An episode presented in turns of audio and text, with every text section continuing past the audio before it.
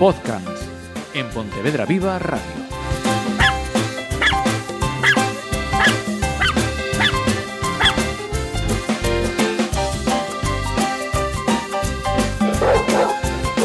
Hola, ¿qué tal? Ya estamos aquí, otro domingo más, si nos escucháis en el streaming, eh, con podcasts, cualquier día de la semana, cualquier hora, si lo que hacéis es escuchar el podcast de podcasts. Y podcast o streaming, quien está sí o sí, El como cansino. cada programa, no, de eso nada. Es nuestro educador canino, Diego Álvarez. Muchas gracias y bienvenido. Gracias a vosotros, como siempre. Bien, hoy vamos a hablar de chiquitines. Efectivamente, efectivamente. Vamos Además, ahora que vienen las navidades y por desgracia se pone tan de moda lo de lo de adoptar o, o comprar un, un cachorro, pues para que sepan un poquito lo que hay, lo que hay que hacer con ellos para, para que la cosa vaya lo mejor posible y que no acaben en protectoras o abandonados. Ajá. Vale, pues eh, ¿por dónde podemos eh, comenzar? ¿Por saber eh, hasta um, cuándo es un cachorro? ¿Qué es un cachorro? Eh, Exacto. Eh, lo primero que nos viene a la cabeza es eh, hasta qué edad es un, un perro, un- se considera un cachorro. Esto va a variar fundamentalmente eh, por el tamaño, ¿vale? Evidentemente el tema raza. Razas grandes, razas pequeñas, fundamentalmente el tamaño. Eh, y va a estar determinado por lo que es la madurez sexual, ¿vale? En el caso de las hembras es muy obvio, primer celo, la, la- la hembra eh, pasa a ser adulta. En el caso de los machos más tal, eh, algo- hay detonantes como por, por ejemplo que levanten la pata para orinar y este tipo de cosas, ¿vale? Eh, a grosso modo, ¿vale? Si es una raza o un perro de, de tamaño pequeño, suele ser entre los 9 y los 12 meses. Para perros medianos, entre los 12 y los 15. Para los grandes, entre los 15 y 18. Y para los gigantes, entre los 18 y los 24. Con lo cual, si no queremos memorizar todo eso, con dos años cualquier perro se considera que ya es adulto. ¿Vale? Eh, hablamos en todo momento de una, de una madurez a nivel biológico, eh, no una madurez mental. La madurez mental va, va a depender de varios factores y, y, por ejemplo, pues hay perros como los... mm, eh, siempre sabéis que hablo de razas, pero para, para tener un ejemplo, es, es que no soy ni contra, ya lo hicimos, ya hablamos en su momento, ni en contra ni a favor de la raza, estoy en contra de, de las protectoras llenas. Eh, un perro estilo labrador o un perro estilo pues, boxer suelen tienden a ser más, más juguetones, más, más infantiles, digamos, toda su vida. Eh, sin embargo, hay otros perros que no, que el carácter se ma- maduran antes, digamos, y, y- y se nota el- en la diferencia de carácter en ese, en ese sentido.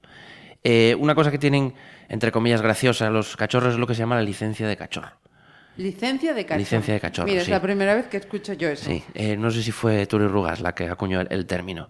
Y es que hasta los cuatro o cinco meses, un cachorro, pues es como un niño pequeño, puede hacer lo que le salga de las narices. Eh, mm, mm, hablamos siempre frente a un frente, eh, al- con un perro estable. Ajá. Le morderá las orejas, le pisará la cabeza, le, de todo. Si es un perro eh, adulto estable, es difícil que tenga una, una reacción violenta ni agresiva hacia, hacia el cachorro. Se levantará y se irá, dará señales de calma, hará 400.000 cosas, pero no nunca agrederá al, al cachorrillo. Y es lo que se llama licencia de cachorro. Ajá. A partir de ahí, a partir de ahí igual ya atrapas. ¿Vale? O sea, no te pases porque igual ya las llevas. Eh, Pero, pero está bien porque es, eh, hay mucha gente que tiende con los cachorrillos a no, a no acercarlos a perros grandes por el miedo y tal.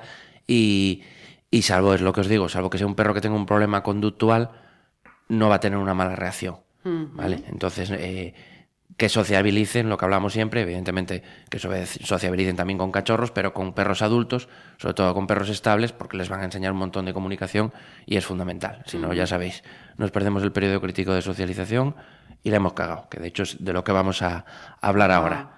Vale, Por- espera, sí. perdona, te voy a interrumpir. Eh, Diego, yo como siempre las preguntas desde, desde el desconocimiento. Entonces, para aquellas personas que nos estén escuchando que digan, oye, quiero tener un perrillo, pero creo que sea, quiero que sea desde pequeño, con estas pautas que nos estás diciendo, eh, nos estás eh, informando, poniendo al tanto de qué comportamientos y durante cuánto tiempo en su condición de cachorro el, el perrillo se va a portar o se va a comportar de determinada manera, ¿no? Sí, más o menos. No, no son cosas matemáticas, Sí, pero a- sí. al que- siguiente día ya deja de- Exactamente. no, eh, eh, como las personas, es- vamos. eso. Está con un perro adulto, tiene eh, tres meses y pico, y cuando se cumplen los cuatro, el perro adulto dice, tú, Sí, ala, hostión, ya. no, no es matemático, Vale. pero sí que en esas franjas y dependiendo de, de la comunicación y todo.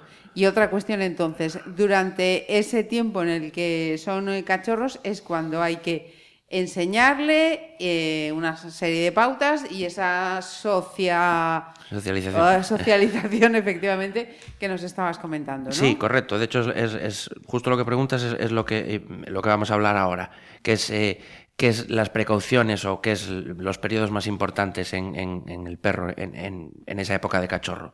Lo primero y fundamental es que no haya un destete prematuro. Nunca se debe de, de- de separar de la madre y de los hermanos antes de los tres meses. Hay casos en los que no queda otro remedio, la madre rechaza o no da suficiente leche o lo que sea. eh, no nos queda otro remedio, pues separamos. Si no es así, nunca. La madre y los hermanos son los, los mejores educadores en ese momento, con lo cual hay que mantener ese, ese contacto. Perfecto. Eh, es, eh, ¿qué, qué puede pasar si, si, si hacemos ese destete prematuro? Hay un montón de problemas, desde una deficiencia inmune por, por no tomar la leche de la madre, hasta problemas conductuales como inhibición a la mordida. Son perros, cuando a mí me vienen, no, tengo este perrín y tal, ¿qué tiempo tiene? Pues tiene, me dicen ya directamente, cuatro meses. ¿Y cuánto llevas con él? Dos. O sea, que te vino con dos. ¿Cómo juega mordiendo? Y dice, "Jo, ¿Nos hace un daño? Exactamente, no ha aprendido a, a morder jugando, controlando la mandíbula. Ajá. ¿Vale? Eso lo enseñan la madre y los hermanos porque está jugando con un hermano, se pasa, el hermano lloriquea, se larga o interviene la madre para separarlos y así no se juega. Entonces es muy importante eso. Pueden tener, son perros que por el día de mañana pueden tener traumas, miedos, eh, comportamientos reactivos, eh, hiperactividad, ansiedad por separación, baja tolerancia a la frustración, trastornos obsesivo-compulsivos. Parece una chorrada, pero bueno, como veréis ahora con el tema de la impronta del periodo crítico, eh, es fundamental que en esa época el perro esté con, con su madre y sus hermanos. Mira, esto pasa como con, casi como con los, esto va a un poco raro, con los humanos, que, que mamá es la que más enseña. Pues en el caso de los perros, exactamente igual. Eh, en ese periodo tenemos dos, dos, digamos, fases importantes. Uno es lo que se llama la impronta y otro es el periodo crítico de socialización que hablamos ya muchas veces de, él. En el caso de la impronta, Conrad Lorenz la define como una forma de aprendizaje en la que el animal fija su atención en el primer objeto que ve, escucha o toca y el movimiento que a continuación hace tras ese objeto.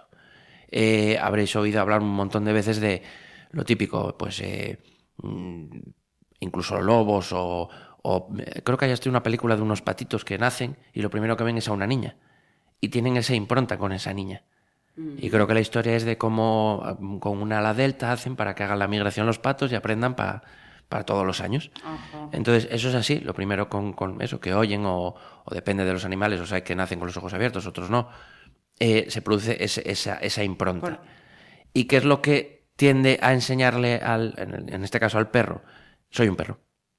Lo primero que ves es un perro, yo soy un perro. ¿Vale? Es lo que, lo que genera esa impronta.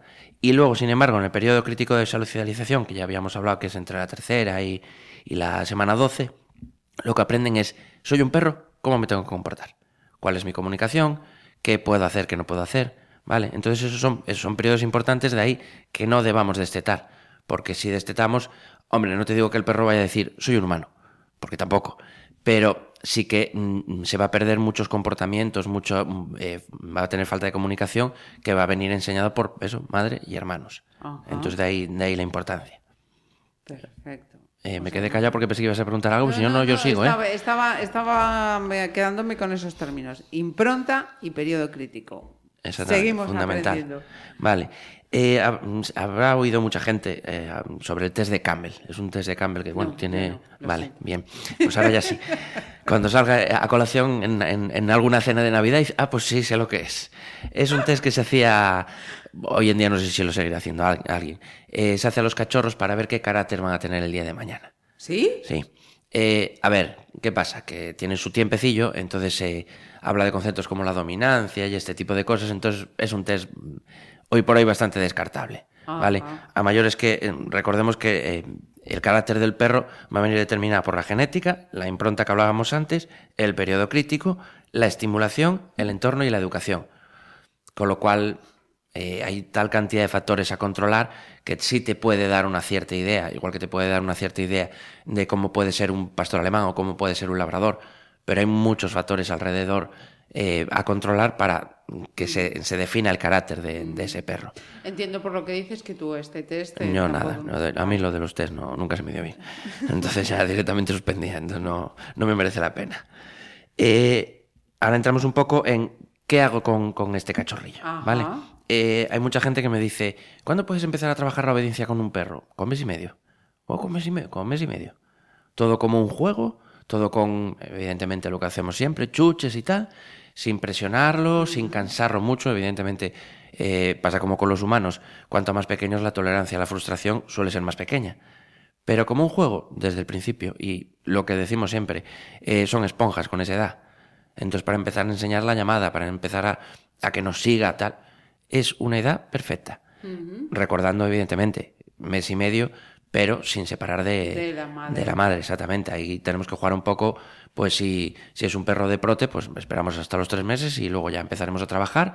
Si es un perro de, de un criador, pues decirle, mira, pues puedo venir por aquí, puedo que Sí, se vaya que haciendo, vaya, eh, eh, exactamente, ajá. que se vaya haciendo a mí. Y si, eh, y si el criador es coherente, pues no tendrá problema ninguno. Y es fundamental empezar a trabajar con, con ellos desde esa edad, no esperar a que el perro ya se te haya alargado 30 veces, eh, haya cruzado 50 carreteras, haya provocado tres accidentes, y entonces cuando llamas al educador canino, mira, que no me hace caso cuando lo llamo. Ya en su momento dimos el, el tema de la llamada, que en cierta manera, aunque es de lo más complicado, al final si hacemos bien las cosillas, el perro va a querer estar con nosotros, y si lo cogemos desde cachorro, desde luego, pues eh, muchísimo más. Ajá. Eh, es importante también estimularlos, ¿vale? Eh, que aprendan a lo que son manipulaciones y este, y este tipo de cosas. ¿Qué tipo de, de- de estimulaciones? Vuelvo a decir, controlando, sin saturar al perro. Hay manipulaciones incluso que las podemos hacer mientras son muy cachorrillos, con lo cual no molestamos ni al perro ni a la madre, ¿vale? Eso es muy importante. ¿Y, y cuáles son las que podemos hacer? Pues un montón de ellas, desde táctil. eh, yo aquí recomiendo empezar desde pequeñitos a manipularles las patas. A los perros no les gusta nada que les toquen las patas. Nada de nada. No sabía.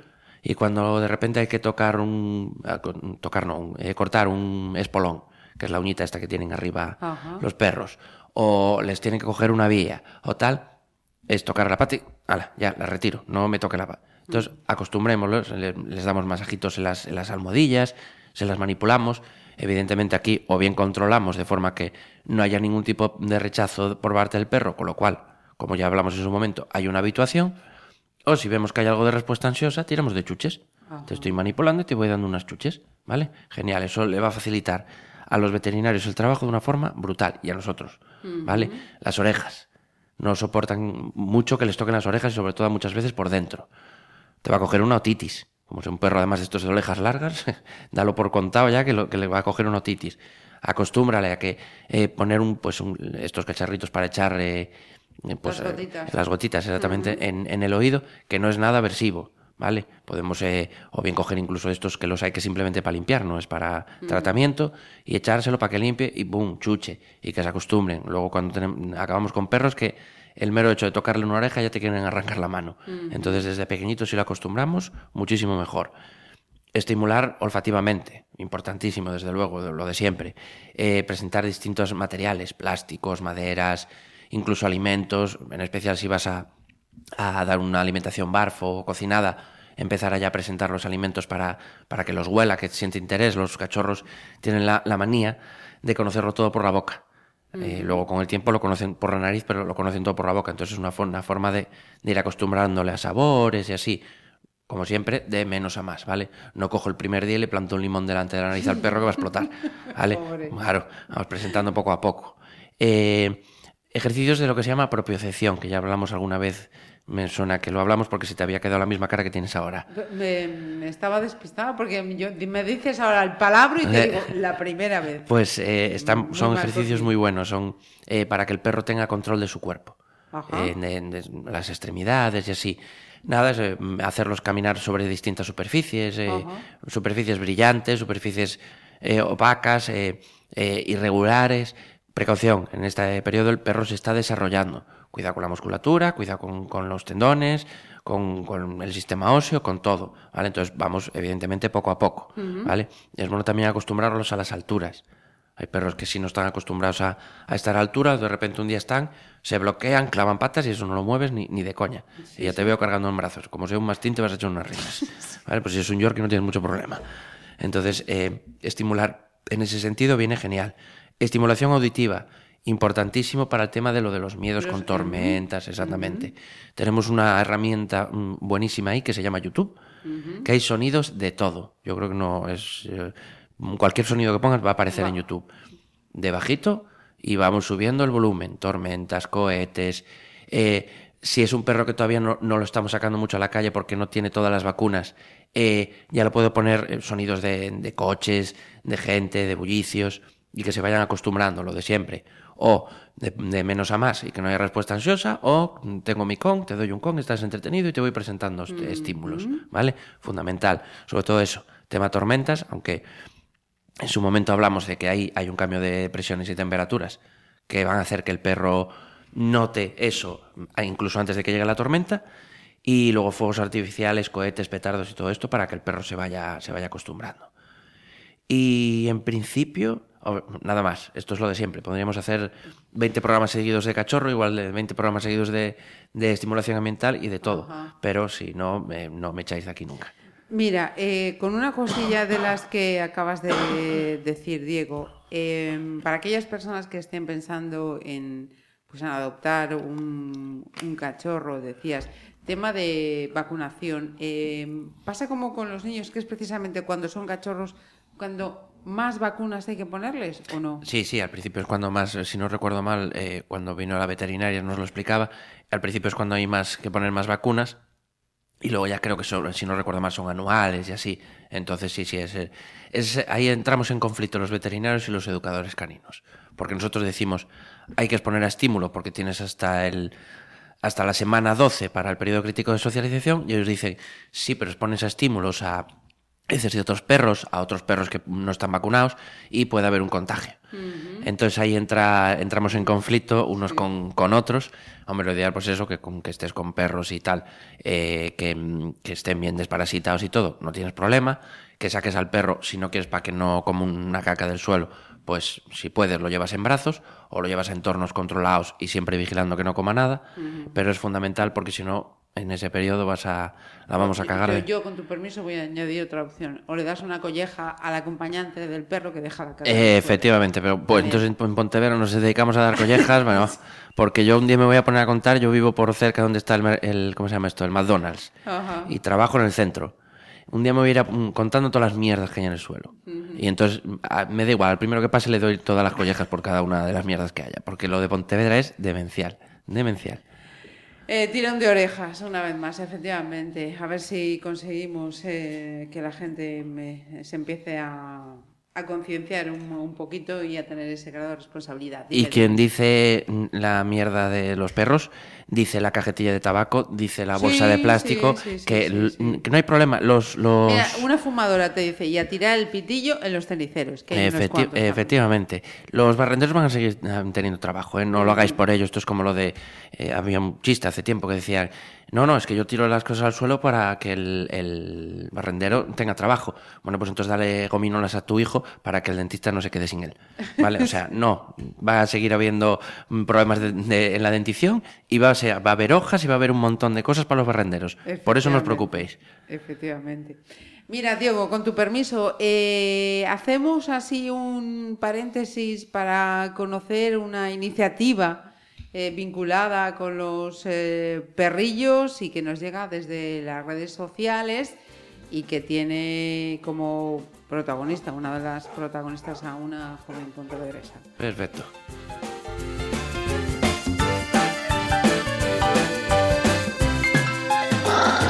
Aida Martínez, ¿qué tal? ¿Cómo estás?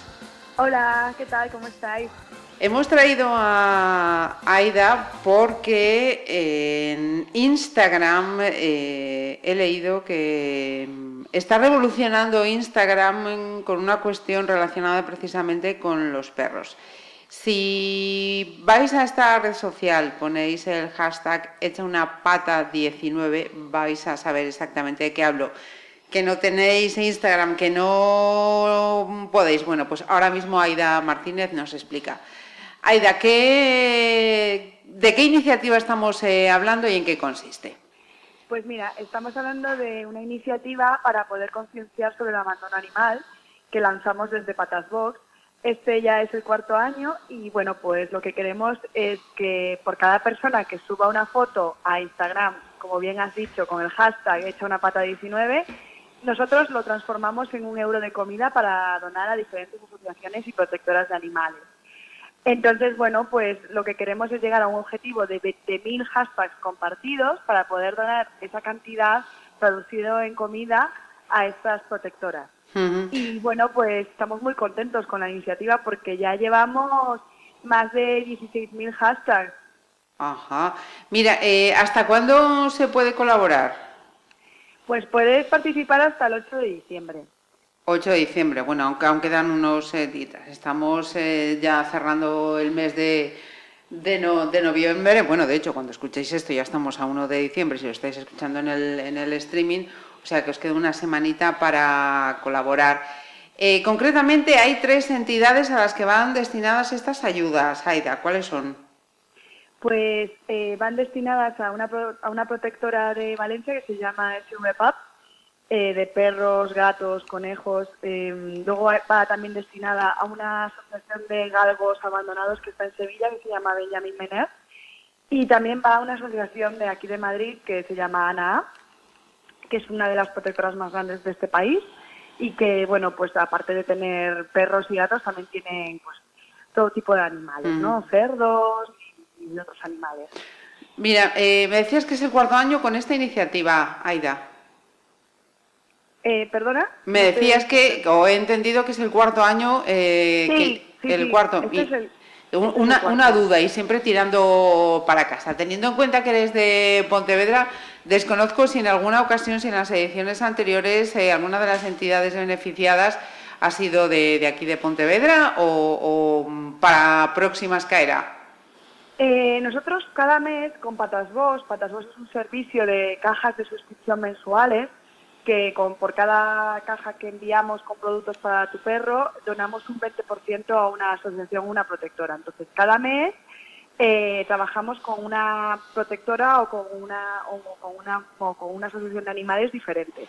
Entonces, sí que hemos trabajado con asociaciones de Galicia eh, con el tema de las cajas mensuales, pero con el hecho una pata no, siempre hemos trabajado con estas protectoras.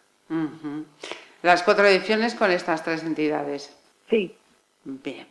Bueno, pues hasta el día 8 tenéis eh, oportunidad eh, de, de, de, colaborar y oye, sin una alegría si para próximas ocasiones te volvemos a llamar y nos dices que colaboras con alguna protectora de, de aquí. Aida, muchas gracias. Vale, gracias a ti.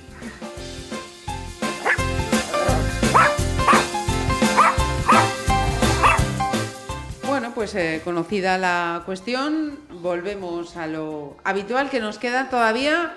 Los frase, clásicos. recomendación, los clásicos Sí, sí. de Navidad. Efectivamente.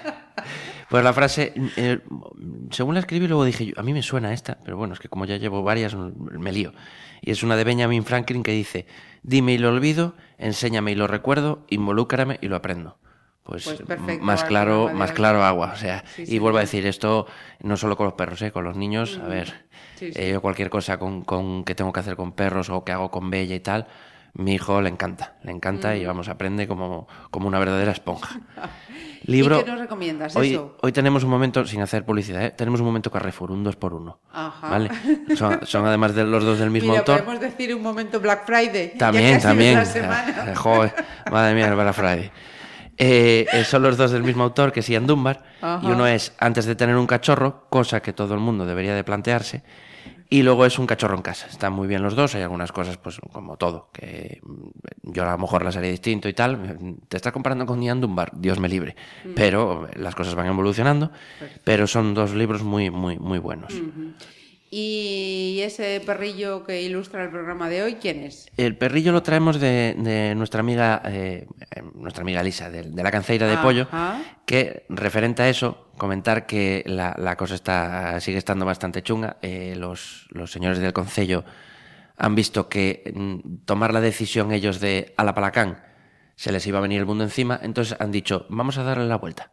Vamos a conseguir que sean los de mm, la prote los que no puedan mantener esto, lo dejen y entonces palacán.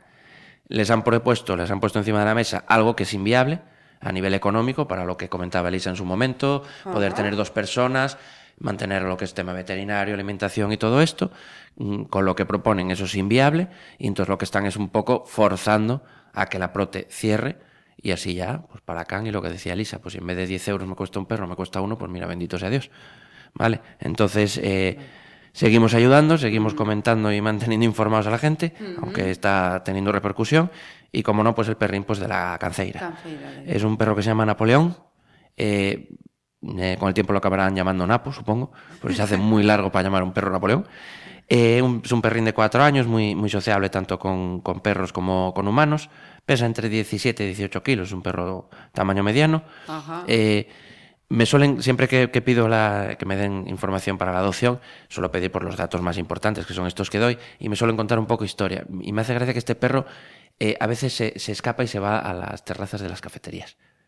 Y allí se sienta y allí se tira horas. Entonces, dice, muy recomendable para la gente que le guste las terrazas, porque te vas con él, se sienta allí, creo que es feliz. O sea que tenemos un, un Le perro. gusta el terraceo. Eh, exactamente, que le va que- aquí lo va a tener complicado porque con lo que está lloviendo lo va a tener complicado. Pero si le gusta, parece ser que le gusta la fiesta. Sí, señor. Pues bravo por Napoleón. Eh, Diego, eh, muchísimas gracias y hasta el siguiente podcast. Muchas gracias.